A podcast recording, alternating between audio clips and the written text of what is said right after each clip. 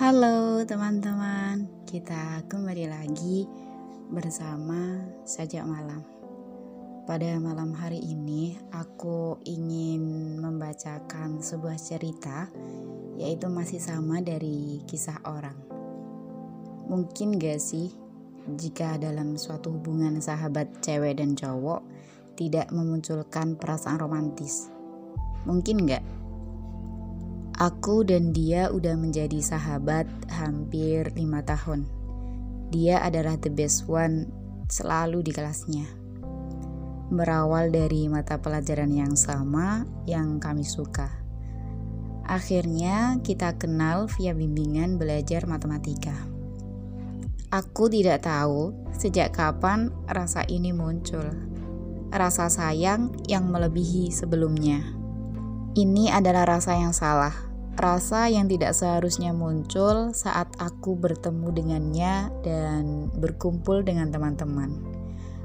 Aku yakin dia tidak akan merasakan rasa ini karena aku mampu menyembunyikannya dengan sangat baik.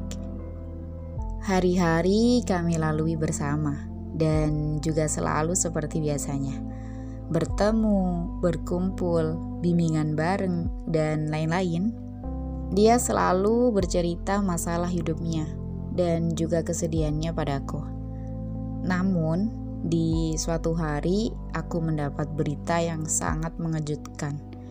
Temanku bercerita bahwa dia telah memiliki kekasih yang tak lain adalah temanku, bahkan teman satu kelasku sendiri.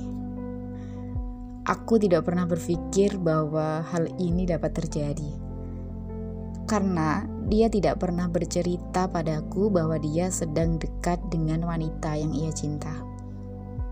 Saat itu, hatiku hancur. Ingin rasanya aku marah, tapi kepada siapa? Kepada dia, marah dengan keadaan. Aku pikir mereka semua tidak bersalah. Aku harus bahagia melihat ia bahagia dengan pilihannya. Akhirnya, aku mulai menjaga diri dan membatasi hubungan dengannya yang hanya sebatas sahabat. Satu tahun kemudian, aku mendapat berita yang tak kalah mengejutkan. Temanku bercerita bahwa dia ini telah putus hubungan dengan yang ia cinta tadi. Aku benar-benar terkejut, tapi aku tidak tahu harus merasa senang atau merasa sedih. Yang pasti, pada saat itu, sesaat setelah mendengar berita itu, aku tersenyum. Betapa indahnya skenario ini. Bisa dibilang lucu juga sih. Beberapa hari kemudian, dengan tak kusangka, dia bercerita sendiri. Dia chat bercerita tentang alasan-alasan kenapa dia bisa putus, kenapa bisa sampai seperti ini. Di situ aku merasa bahwa diriku masih dibutuhkan, meskipun hanya untuk berbagi cerita pilu.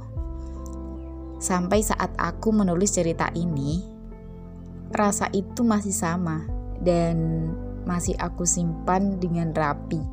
Insya Allah, dia tidak mengetahui. Sekian.